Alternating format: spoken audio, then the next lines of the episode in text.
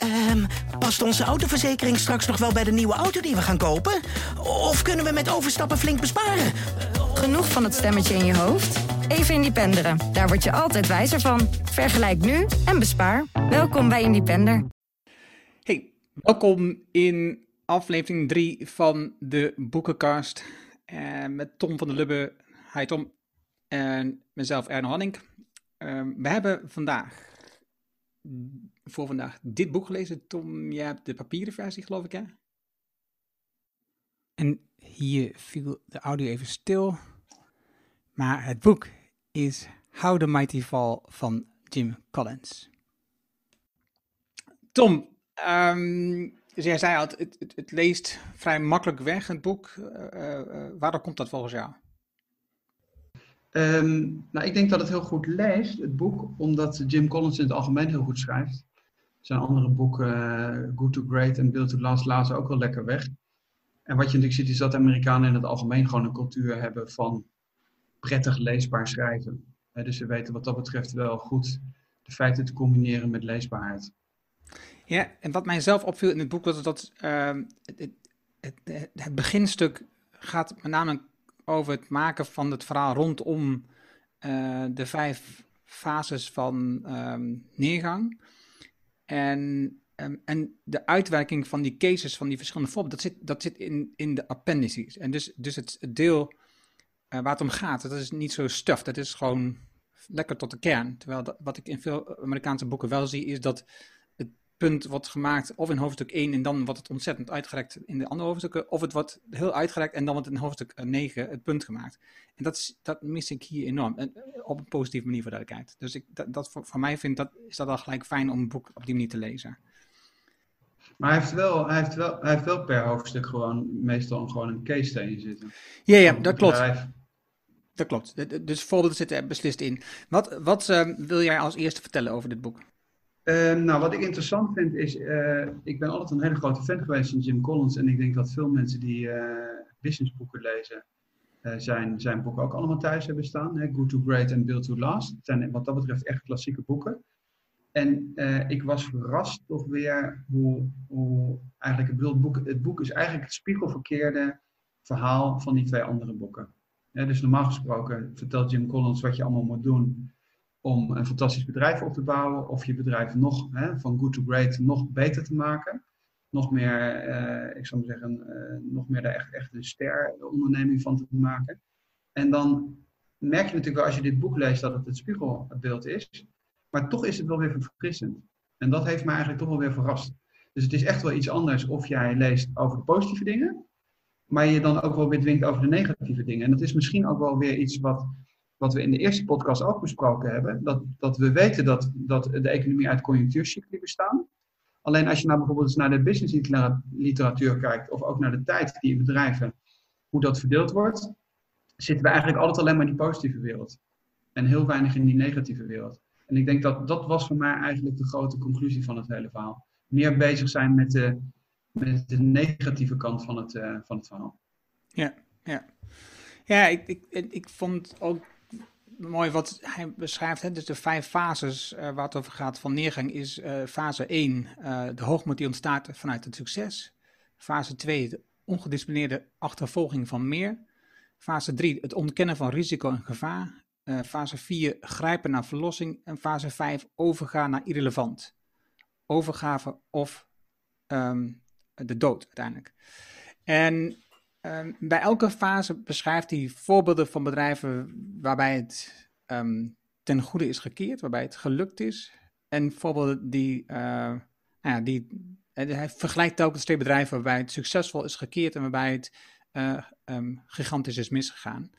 En nou, dat, dat vond ik eh, en, en waarbij die ook nog weer dan de leiderschap laat zien. Hè? Dus wat, wat, is de invloed van de board of de CEO? Het, het, leiderschap in, in die fases. Uh, wat, het, wat, nou, en dat vond ik dus super interessant. Ja, ik vond het ook wat dat betreft zitten er heel veel goede voorbeelden in. Um, van, en, en wat natuurlijk ook weer terugkerend is, is wat we vorige keer zagen met Leaders Eat Last. Dat eigenlijk uh, de grote voorbeelden, die ken je dan wel. vorige keer was het Jack Welch versus de, die andere CEO, ik ben even zijn naam kwijt. Wat ook alweer wat zegt, dat ik wel Jack Wells nog weet, maar niet degene die Peter heeft gedaan. En dat heb je hier in principe, is exact hetzelfde verhaal. Dat je aan het einde uh, Rank Xerox hebt. Een vrouw waar, waarvan ik nog nooit, ik dat het ook weer een vrouw was, nooit van had gehoord. Uh, en die Fiona, overigens ook een vrouw, die bij Hewlett Packard het roer overnam en, en waar iedereen permanent over las. Ja, dat is gewoon één groot drama geworden. Dus, dus toch wel weer, ook wel weer iets, vond ik misschien ook wel een andere, een andere insight of een andere, uh, iets, iets ja, wat, wat me opgevallen is, is dat we zijn toch wel heel erg gefocust op een aantal hele grote uh, stories. Het heeft ook iets van personencult. Uh, en, en, en dat kwam hier eigenlijk ook weer aan terug. En als je nou gewoon echt eens wat meer op basis van data of op heel systematisch zou kijken, zoals een wetenschapper dat doet. En Collins is wat dat betreft ook echt wel een wetenschapper. Dat zie je ook in die appendix met al die data. Te zeggen van, nou laten we nou, voordat ik nou gewoon op de covers kijk van die grote business magazines, ik ga echt eens naar de getallen kijken, dan kom je dus bij hele andere mensen weer uit. Dat vond ik ook toch wel weer, ja, ik kan niet zeggen dat het me verbaast, omdat het, hè, we hadden het vorige keer ook met Iris Livaas. Uh, en, en, en toch elke keer als je weer over dat soort voorbeelden struikelt, over de positieve voorbeelden, zeg je, oh, maar die persoon ken ik helemaal niet. Hoe kan dat nou? Ja, en het, het mooie daarin vind ik dus, dus um, en dat, dat zeg je ook, alleen ik, ik, ik heb het iets anders geïnterpreteerd, is de, de bescheidenheid zie je de mens. Die uitspraak die, die, die komt ja. ontzettend naar voren. Dus, dus hoe bescheiden de ondernemers, hoe, hoe, hoe bewuster die onderneemt en zijn beslissingen neemt en de rust neemt om beslissingen te overwegen, in plaats van met veel bombarie in allerlei bladen komt, omdat hij of zij de nieuwe CEO is, of en omdat zij deze maatregelen, of omdat zij deze nieuwe um, product, dienst, uh, technologie lanceert, um, zijn juist de leiders die het op de achtergrond doen, voorzichtig, doordacht, rustig, um, niet in de bladen, uh, gewoon onder de mensen. Uh, Walton, die dame van Xerox, um, met, met zoveel andere voorbeelden. Dan denk ik, ja, dit is. Het is onzin om te geloven dat, um, dat je per se op de cover moet staan, in de media moet zijn, zichtbaar moet zijn om een goed bedrijf te bouwen. En, en, en wat ook opvallend was, een van de eerste uitspraken is, die ik ook las in een boek waar ik van dacht, oh ja, shit, shit. Anyone can fall and most eventually do. Ja. Dus de, ja. de eindigheid van een bedrijf, die wordt gelijk neergelegd. Uh, gelijk ben je met de poot op de grond. Je kunt wel geloven in een fantastisch bedrijf, dat het fantastisch is. Uiteindelijk faalt bijna ieder bedrijf. Het is hoogmoed komt voor den val, hè? Dus dat is in principe natuurlijk. En dat zijn ook dingen die je natuurlijk uh, bijvoorbeeld bij sterk gelovige mensen ziet. Hè? We zullen gegarandeerd ook wel een keer iets doen over koffie. Stephen Covey, de mormoon. Maar dat zie je in principe, vind ik dat je dat bij Jim Collins bijvoorbeeld ook merkt. Het is heel, heel sterk die uh, bewustzijn dat bescheidenheid een hele belangrijke, belangrijke deugd is. En daar herinnert men, herinnert men zichzelf permanent aan. En dat is natuurlijk iets wat je, ik zou maar zeggen, op het, op het gebied van al die zelfhelpboeken uh, ook hebt, maar wat historisch motief is.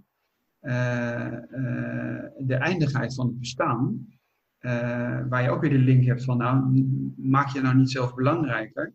Je, je hebt dienend te zijn, en dat kan of dienend zijn in je privéomgeving of in de maatschappelijke omgeving. En hier is het dan dienend zijn ten opzichte van de onderneming.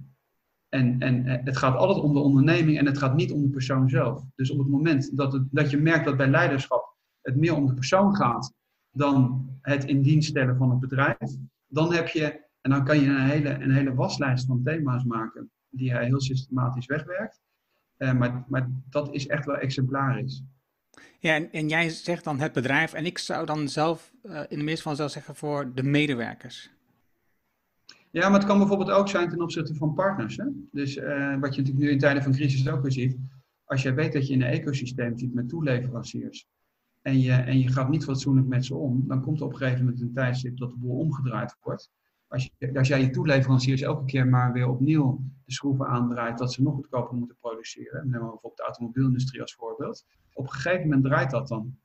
En dan zegt iemand van, weet je wat, op het moment dat ik gewoon een beperkt aantal uh, ik zou zeggen producten heb, ja, dan lever ik natuurlijk aan die partner die altijd netjes met mensen omgegaan. Ja. Dus ik denk, ik denk wat dat betreft dat het best wel, best wel breder te importeren is. Maar dat geldt ook bijvoorbeeld ten opzichte van de maatschappij. Dus wat dat betreft, even uitstapje naar corona. Kijk maar het hele debakel met KLM. Dus als jij denkt dat het in een bedrijf om je eigen salaris gaat, op dit moment bij KLM, uh, op een gegeven moment, dan kun je, zou, zou je nog zelfs kunnen zeggen, misschien dat die medewerkers allemaal vinden dat je een briljante manager bent. Maar dan krijg je op een gegeven moment het effect uit de samenleving. Dat men zegt van ja, maar het zijn toch, het zijn toch onze belastingcenten waar je mee omgaat. Je zou je best wat bescheidener kunnen opstellen. Dus ik denk dat, dat, ik denk dat die bescheidenheid best wel heel veel dimensies heeft. Hmm. Maar het, het, het, het, start natuurlijk in het bedrijf zelf, want je zult het samen met de mensen moeten doen. Ja, ja. Wat was voor jou um, de meest. Welke fase is je het meest bijgebleven in, in zijn beschrijving? Um, oh, vind ik best wel moeilijk te zeggen. Ik had, ik had soms het idee dat uh, het, indelen van die, het indelen van die fases dat het wat kunstmatig was. Hmm. Uh, en dat ik dacht van nou, de dingen lopen door elkaar heen. Uh, dus ik kan niet eens zeggen dat ik bij de, de ene fase, ik zou maar zeggen, veel extremer vond dan de andere. Wat ik wel interessant vond was, wat natuurlijk wat dat betreft ook logisch is, dat in het begin valt het nog niet zo op. Dus ik zou zeggen, ik, ik, ik, wat ik toch wel heb herlezen, en dat is, dat is misschien toch wel belangrijk, is dat in het begin zie je het niet zozeer. En, en ik betrapte mezelf daar ook op, dat ik dacht van ja, als dingen bijvoorbeeld heel succesvol gaan, je hebt toch wel geneigd te denken van, nou weet je wat, je doet het allemaal zelf zo goed. Je hebt zo'n goede strategie. Uh, en aan het einde is het natuurlijk allemaal veel duidelijker. Dus bijvoorbeeld als twee bedrijven fusioneren, die beide bijvoorbeeld heel slecht functioneren, dan zegt hij ergens van, ja, als je twee slechte bedrijven met elkaar fusioneert, denk niet dat daar een goed bedrijf uit ontstaat. Nou, dat is denk ik een soort open deur die je intrapt. Maar bijvoorbeeld helemaal in het begin, dat je denkt dat je succes aan jezelf te wijten is. Hè? mag je best op reflecteren, maar je moet misschien ook wel zeggen van, het heeft heel veel met geluk te maken. Dus bijvoorbeeld, bijvoorbeeld in, ons, in, ons, in ons voorbeeld, wij hebben, hebben de eerste acht jaar bijvoorbeeld helemaal geen media, helemaal geen interviews gedaan. En we hebben, we hebben eigenlijk ook altijd wel gezegd van, nou, dat wij konden groeien, hebben wij voor een heel groot gedeelte de AFM te verdanken, omdat die het provisieverbod heeft afgeschaft. Nou, wat je ziet is dat in het begin realiseer je dat nog heel duidelijk. Naarmate, hè, nu staan we, bestaan we tien jaar, en je merkt wel ook, en dat merk ik ook gewoon bij mezelf, dat ik denk van nou, we hebben het wel behoorlijk goed op de rit, weet je. Dus, uh, en, en dan moet je toch wel weer eigenlijk in de spiegel kijken en zeggen van nee, je hebt het gewoon, of bijvoorbeeld, we gaan heel goed door die crisis. Heeft dat met ons te maken en met ons leiderschap? Nee, het heeft er gewoon mee te maken dat, dat die rentestijging, dat die mensen dat verwachten. En daardoor worden er heel veel hypotheken afgesloten. Dus wees je ervan bewust dat als het goed gaat, dat je misschien nog eens in de spiegel kijkt en zegt van, zou het ook ergens anders aan kunnen liggen? Zou het gewoon ook heel veel geluk kunnen zijn? Ik zat even te denken, want aan het einde zegt hij ook zoiets fantastisch. Um... Nou ja, hij zegt aan het begin, zegt hij ook, dus, dus als je uh, in het begin, dan is het nog um, slecht zichtbaar en kun je het nog vrij eenvoudig keren. Op het moment dat het heel zichtbaar wordt, dan wordt het steeds moeilijker om het te keren. Uh, en en ik denk dat, dat jij dat ook beschrijft. Dus in het begin, dan is het moeilijk om jezelf in de spiegel te kijken van, nou, nou, ja, dit, dit succes dat komt gewoon door toeval, door geluk en door, hè, dus je schrijft het al vrij snel toe in je eigen wijsheid. Um, en dat, en dat, dat, is eenvoudig te keren. Want hij zegt ook, hè, dus, dus op het moment dat het heel goed met je gaat, dan is het juist juist goed dat je, uh, op, je uh, op je knieën gaat om te bidden voor een crisis. Want dat scherpt de boel nog veel meer aan. En ja. um, dat was de quote die ik zocht aan het einde, die ergens in het boek uh, terugkomt. Ja, ja, dat is, ik, dat is het, wel. Ik heb, ik heb de quote overigens, ik heb de quote hier voor me. Uh, I have come to see the institutional decline like a state disease. En dat is en de zin uh, die jij nu net no, bedoelde, die staat hier. It's harder to detect but easier to cure in early stages. And easier to detect, but harder to cure in later stages. En dat is ook waar die Amerikanen zo briljant in zijn. In één zin die tegenstelling erin te hebben. Eh, in het begin is het moeilijker te zien, maar makkelijker nog te genezen. En later is het heel makkelijk te zien, maar heel moeilijk te genezen. Het is natuurlijk een briljante formulering. Uh, en dat is iets uh, dus zeggen, als mensen bijvoorbeeld ook weinig lezen, dan zou ik zou dat boek er zeker bij pakken of kopen. omdat het grote voordeel is als je, als je bijvoorbeeld ook alleen maar zou kijken per vijf, in die vijf hoofdstukken of stages, dat je even naar de samenvatting zou kijken, want hij heeft dat heel netjes samengevat elke keer. En je zou die dingen doorlopen. Dat heet eerst altijd in het Engels dat markers voor stage one. En dan staat in principe op, op eigenlijk één kleine bladzijde, staat per fase uh, uh, ja, wat, eigenlijk, wat eigenlijk de problemen zijn. En, dat is, en in dit geval bijvoorbeeld voor, voor de eerste fase is dat bijvoorbeeld ja, toch een vorm van arrogantie. Dus te denken dat je het heel goed doet, terwijl het eigenlijk gewoon met de markt te maken heeft. Dus in ons geval is het de verandering van regulering, wat een van de belangrijkste redenen is dat we succesvol zijn. En op dit moment in de crisis is het gewoon zo dat de hypothekensector er gewoon helemaal heel goed doorheen gaat. Dus als wij nu tot de conclusie komen dat we het bedrijf heel goed managen, dan, ja, dan zouden we moeten zeggen, misschien moet je dat wel onder het hoofdstukje arrogantie dan parkeren. Ja, en dan is, dan is de vraag natuurlijk, wat zou, je, wat zou je nu kunnen doen om dat te keren? Um, nou, ik denk bijvoorbeeld toch heel erg die analyse ingaan. En bijvoorbeeld dat kun je dan of, ik zou maar zeggen, als je heel erg getalsgedreven bent, zeggen van, uh, uh, uh, ik zou maar zeggen, profiteren we, groeien we sterker dan gemiddeld bijvoorbeeld de markt. Dan zou je nog kunnen zeggen van, je hebt een soort overperformance. datzelfde met het uitkeren van bonussen. Door als het heel erg goed gaat en, en de hele branche verdubbelt, en, en, en, en jij krijgt de bonus omdat je omzet verdubbelt, ja, dat is natuurlijk relatief ten opzichte van van, van wat er in zo'n marktsegment gebeurt. Uh, uh, of bijvoorbeeld ook uh, bijvoorbeeld naar prijzen bijvoorbeeld kijken. Het is bijvoorbeeld natuurlijk in een markt waar het allemaal heel goed gaat en de vraag groter is dan het aanbod, is het heel makkelijk je prijs te verhogen. Als, nou goed, is dat bij ons, wij verhogen de prijzen niet, maar dat is ook zo'n typisch voorbeeld. terwijl je eigenlijk moet zeggen van ja, je moet eigenlijk permanent kijken dat de prijs-kwaliteitsverhouding voor je klanten steeds beter wordt.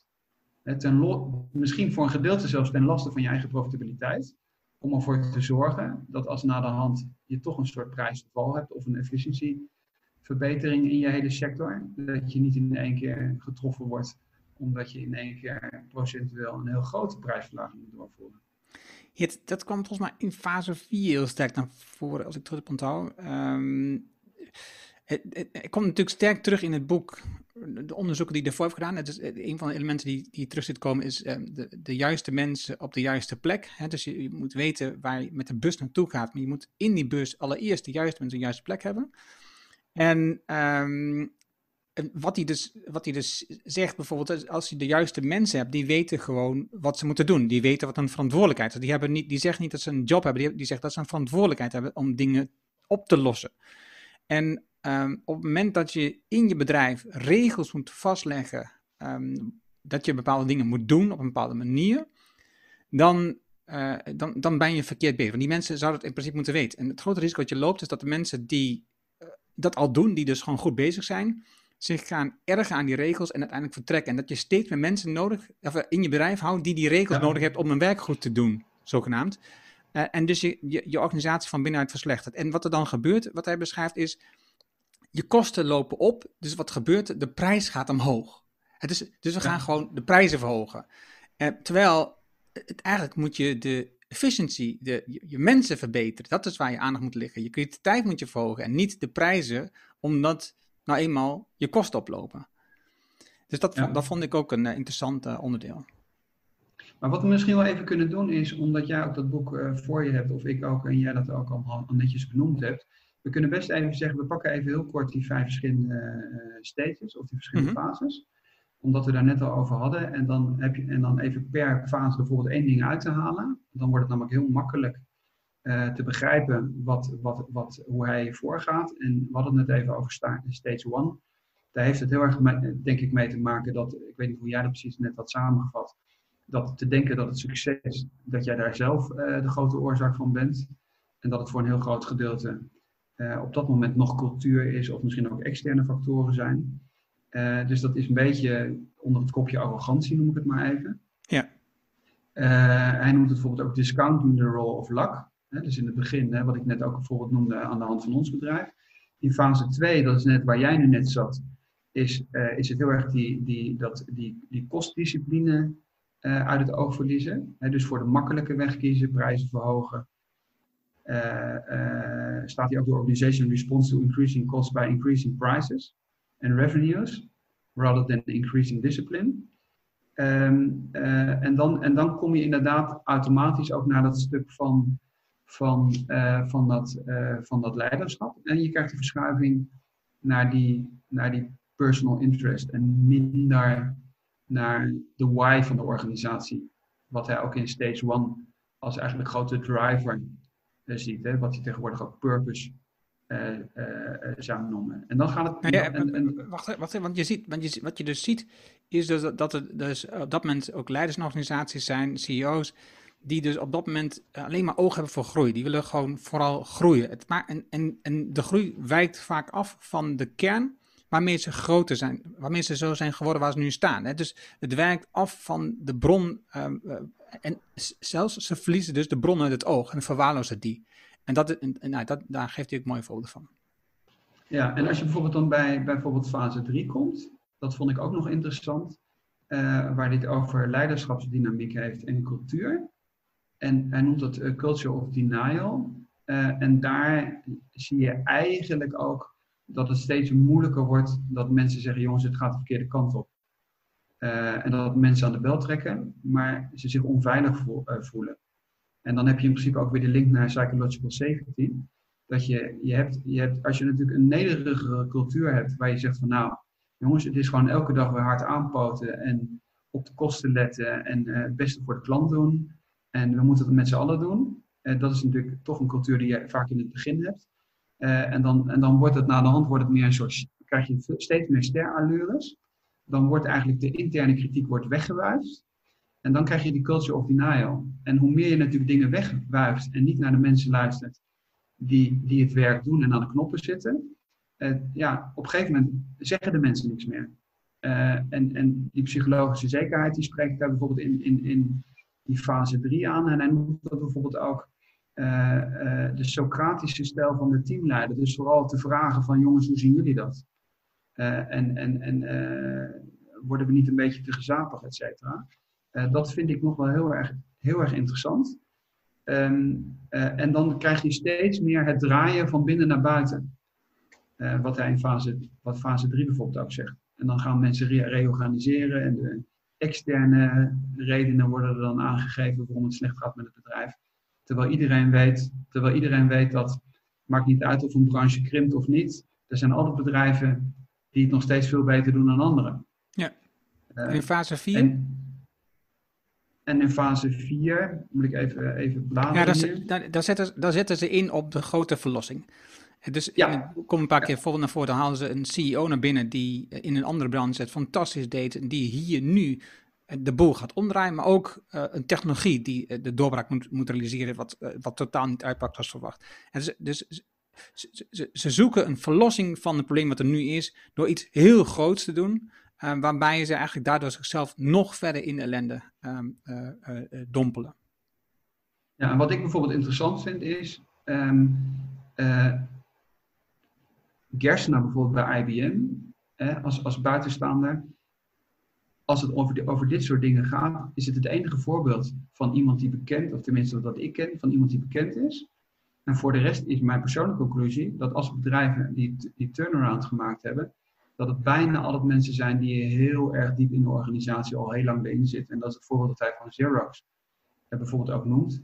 En ja. ik, dacht, ik dacht toen ik dat weer las over Luke Gertner, dacht ik van, het is eigenlijk fantastisch dat zo iemand die van buiten komt eigenlijk zich zo uh, humble of, of zo bescheiden heeft opgesteld. En, en, en, want hij was al heel bekend.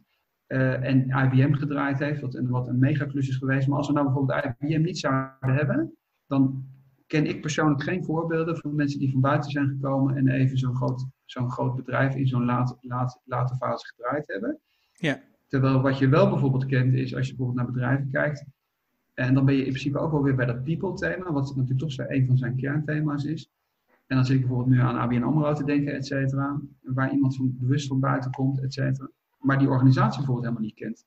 Dus de vraag is ook altijd, als iemand van buiten komt, ten opzichte van iemand die van binnen komt. Iemand die van binnen komt in Xerox, een 25 jaar in het bedrijf heeft gewerkt, die weten in principe, want het is de optelsom van ervaring, 100 dingen waar, waar het is een optelsom van hele kleine dingen om een bedrijf helemaal terug te krijgen. Dus ja. de vraag is uiteindelijk ook van ja, hoe waarschijnlijk is het dat een externe persoon überhaupt in staat is dan het roer om te gooien. Want die quote, want die Mulkali, um, dat is die dame bij Xerox, die zegt uh, tegen de pers, I am the culture. If I can't figure out how to bring the culture with me, I'm the wrong person for the job. En ze zegt ermee, het, het, het gaat alleen maar over Xerox. Het gaat niet over mij, het gaat alleen over Xerox. Ja, klopt. En ik, ik denk ook dat dat, ja, ik denk ook iets dat, dat, dat, dat, dat, dat wat dat betreft, dat voorbeeld, dat ook wel, wel een van de allerbelangrijkste dingen is. Omdat wat je natuurlijk ook wel moet realiseren is dat als iemand 25 jaar in zo'n bedrijf heeft gewerkt en echt het beste met dat bedrijf voor heeft, omdat het hartsbloed daar aan in zit en men zich identificeert ook met dat bedrijf. Iemand weet natuurlijk ook als je 25 jaar in zo'n bedrijf hebt gewerkt, als mensen komen met dingen, of, of er een kern van waarheid in zit, en of mensen met de juiste thema's bezig zijn. Ja. Fase 5, de laatste? Um, ja, je moet maar even kijken. Ik weet niet of je het hebt. Wat, wat, hoe had jij het samengevat? Ja, dat, overgave uh, of um, uh, naar relevantie of dat je uh, capitaleert. Hè? Dus, dus, dus je ziet dan, hij geeft dan voorbeelden. Dus dan, dan zit je echt op het einde van het bedrijf. Um, wat ze doen is ze kleden het bedrijf totaal uit tot het eigenlijk niet meer niet meer relevant is voor de businesswereld, dat het zo klein is en, en alleen maar iets, iets, iets nietigs doet. Of dat er een CEO is binnengekomen die um, het bedrijf heeft klaargemaakt voor de verkoop en het gewoon in, in, de, in het etalage heeft gezet en uh, gesneden heeft, net zolang dat aantrekkelijk wordt voor anderen. Um, maar het verliest gewoon zijn kern. Het is eigenlijk, um, het is niet meer het bedrijf wat het ooit was. Ja, en ik denk wat dat betreft bijvoorbeeld dat, uh, juist omdat het een optelsom is van heel veel dingen, juist als een bedrijf steeds groter is, dat je ook best weer kan, kunt zeggen van, nou, je, je begint in principe dan toch weer bij stap 1. En wat is de why? Waarom, waarom doe je het überhaupt met z'n allen?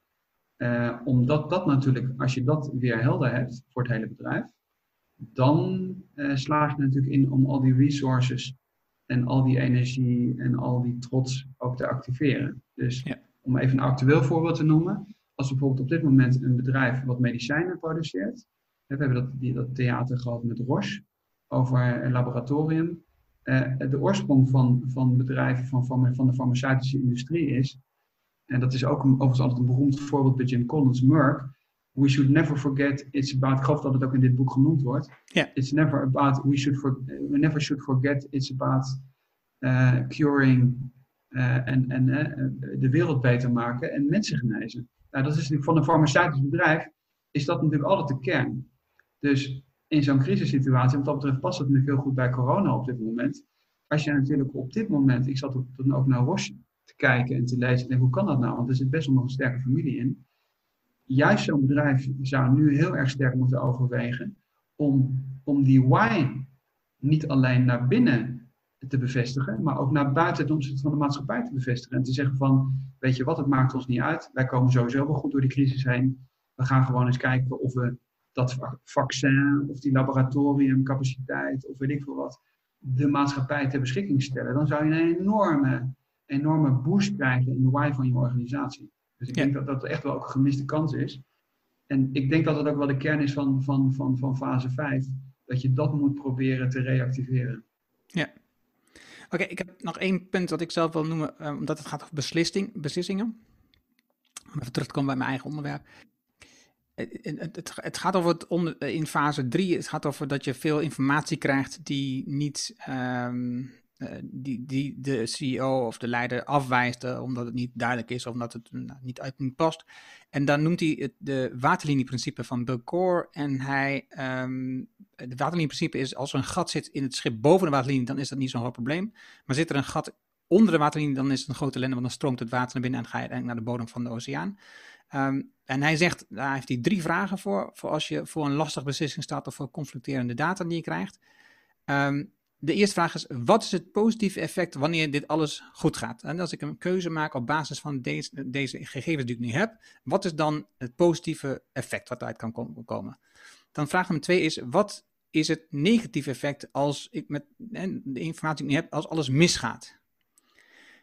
En de derde vraag, de meest cruciale is, kun je leven met die negatieve kant? Kun je leven met dat negatieve effect um, van de keuze die je nu maakt? En voor de duidelijkheid dan achteraan, echt.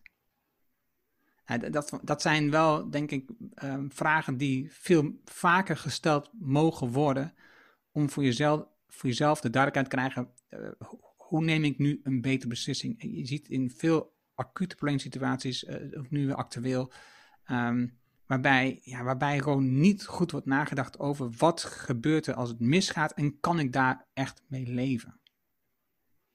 Ja, maar dan ben je natuurlijk, ik zit bijvoorbeeld ook nu even te kijken, omdat jij het ook altijd over uh, de juiste mensen hebt. En dat eigenlijk uiteindelijk is dat de kern ook van Collins. Uh, put, the, right people in the bus. Uh, and take the wrong people out of the bus. Um, dat is de kern. Omdat hij ook altijd zegt, als je de juiste mensen hebt, dan heb je 35% van alles al opgelost. Omdat, omdat de juiste mensen, they are self-disciplined. En als je bijvoorbeeld, dat is wat dat betreft ook een aanrader, als je bijvoorbeeld zijn video's zit te bekijken uh, op internet. De man is wat dat betreft ook echt wel uh, briljant. En je merkt ook dat hij daar echt wel in gelooft wat hij aan het vertellen is. Uh, maar je bent ook dan weer bij de why. Want als je natuurlijk de juiste mensen hebt met de juiste why, dan ben je juist ook in staat het negatieve te accepteren, omdat de stip op de horizon voor iedereen duidelijk is. En als je weet waarom je het met z'n allen doet, dan, dan kun je in principe door al die negativiteit en al die struggle kun je door. En wat je natuurlijk ook bij Collins ziet, is dat hij, en dat, is, uh, dat zie je bij Simon Sinek ook, uh, dat hij met historische voorbeelden komt. Dus hij komt vaak met de Grieken en de Romeinen. Hij komt met Ch Churchill komt altijd terug.